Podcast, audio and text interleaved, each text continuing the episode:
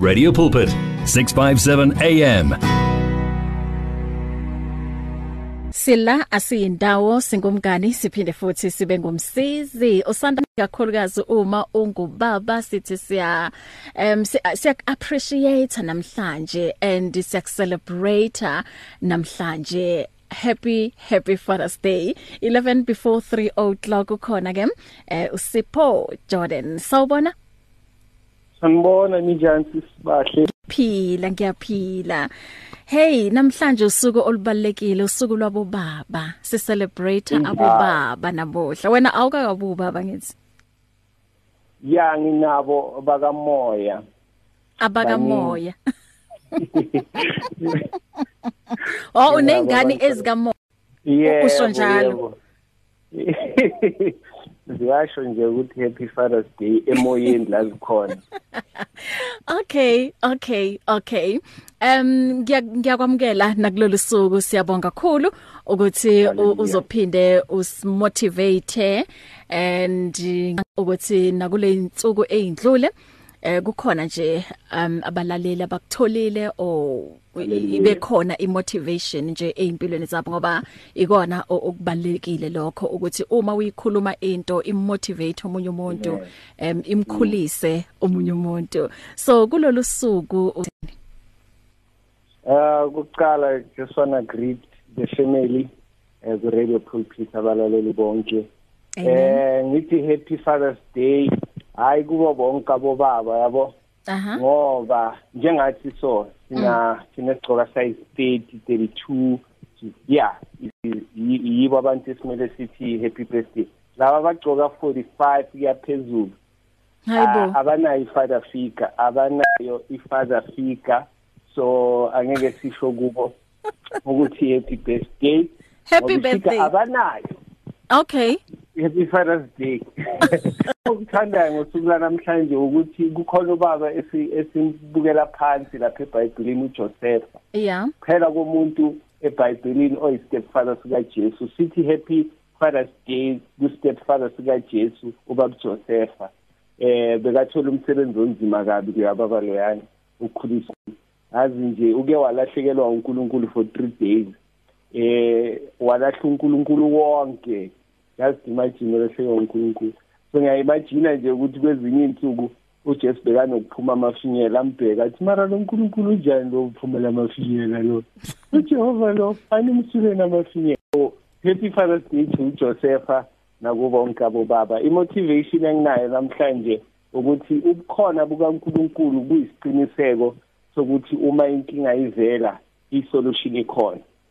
Uma uNkulunkulu ekhona uma inkinga ivela nethezeka wazi ukuthi u- ukhona i-answer ikhona. Sibona abafundi bakaJesu bahamba emkhunjini bevukelwa umoya omkhulu eh u- lithi iBhayibheli uJesu wayelele. And then bazama ngamandla kwafika lento yokukhumbula ukuthi hayi man uJesu khona bayomvusa uJesu uJesu wathulisa imimoya nesivunguvungu. So kubalekile ukuthi wenze sure ukuthi empilweni yakho uJesu khona. Uma ekhona inkinga uma ivela isolution ikhona. Thina sesikhulekela ukuthi uNkulunkulu asiphe lokuya nalokuya nalokuya.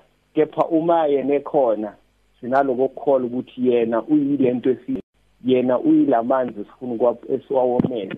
Yena uyilendle esiyifunayo. Yena uyile moto esiyifunayo. So uma uNkulunkulu ekhona impendulo ikhona. Futhi ke okunye abalaleli kumele bakuzwisise ukuthi ukuvela kweinkinga emuntwini okholayo okholwayo isiqiniseko sokuthi answer seyikhona. Uma ubona inkinga ivela hlale ucelebrate ukuthi ngiyabonga Nkosi ngoba iansi khona ngoba uNkulunkulu lithi iBhayibheli akayivumeli akasivumeli isimo esingaphezulu kwamandla wethu. So uma kuvela inkinga kusho ukuthi already iAnswer seka thina kumele sikwenze ukuthi senze sure ukuthi ukhona ngakithi. Bese kuba nale verse esilithanda thina sonke lethi uma uNkulunkulu engakithi ubani oyomelana nathi? Amen. So uma uNkulunkulu ekhona noma kungavela inkinga engakanani inethezeka wazi ukuthi ngempela impilo ekhona. Mm. Amen. Amen amen amen. So sithi kubo bonke nje abobaba bangasabi nanoma ngabe isimo senzima kangakanani abaye nje kuJehova and then bamthulele nje inhliziyo zabo and yena uzoza nayo isolution akho okumehlulayo. Njalo. Nalabo baba abadlela abantwana amadanoni wokukhera sithi impendulo ikhona bangasa inkosi izabonelela bangathawadla amadanoni wabo baba njengoba baba ngeke ngimushe la emsakazweni ngoba walapha ekhaya. Hayi sithi nje ngoba uNkulunkulu uyanithanda futhi nikhuleke njalo kuye. Uyayidinga le laboratory yakho uma uthandaza baba. uNkulunkulu uyamuva le laboratory yakho uma uthandaza. uJehova uyabathanda bobaba yebo. Uyabathanda kakhulu and abobaba um, ingakho bathi ubaba uyinhloko yekhaya and yena inhloko yakhe ngubani? Um kuKristu yes so uyabona ukuthi bona yazi banabo bonke nje ubuhlakani abakudingayo ukuze ke baliphathe leli khaya ngoba lobuhlakani bakuthola kubani? So ukuthi yena uyazi uwazi konke. So uma ungubaba kukhona nje into obona ngathi ayi cha la kunzima for mina. Uma uya kuyena hayi konke nje. Uyazi uzovele um mhlawumbe kukhona im um i decision okumele uyithathe. Kukhona nje ye yebo. Uma uza kuyena uzokunikeza lobo buhlakani and then uzoza ne solution ekahle kakhulu. Okuwukuthi ngeke imlimaze omunye umuntu kodwa ke kuzokwakheka abantu noma kwakheke ikhaya. Um uh, Sipho Jordan thank you so much. Siyabonga. Ngane the author uthi as for indaba ye stepfather sika Jesu hayibo uyazi ngivele ngathi no comments. Naye lo ubaba mangethi njoba nenhloko encane akusho ukuthi akasinhloko ekhaya inhloko yakhe lencane as long ino Christu nayo inhloko yekhaya kubo bonke abazizwa sengathi bona siyinhloko zamakhaya ngoba inhloko zabo zincane. Khululekani bantwana basekhaya bo baba bethu. As long Christ inhloko yakho inhloko yakho enkulu ezweni likamoya. Hayi cha mina angisho lutho ngiyayithulela nje. Wena lalela ukuthi ngikhipha kanjani? Ngikhipha la ngogene hey yo 1 2 3 athi hey yeah 1 2 3 yenzekile le. you know Bless you. prosper. Hallelujah. One vision, one voice, one message. Radio Pulpit 657 AM and 729 Cape Pulpit, impacting lives from Gauteng to the Cape. It's difficult to face the overwhelming pressures of life alone. Sometimes we just need someone to talk to, someone to listen to us. And what better way to do that than through a quick and easy WhatsApp text? Whether you're having a hard time coping with school, family issues, being bullied, depression, or anxiety, speak to someone who cares today.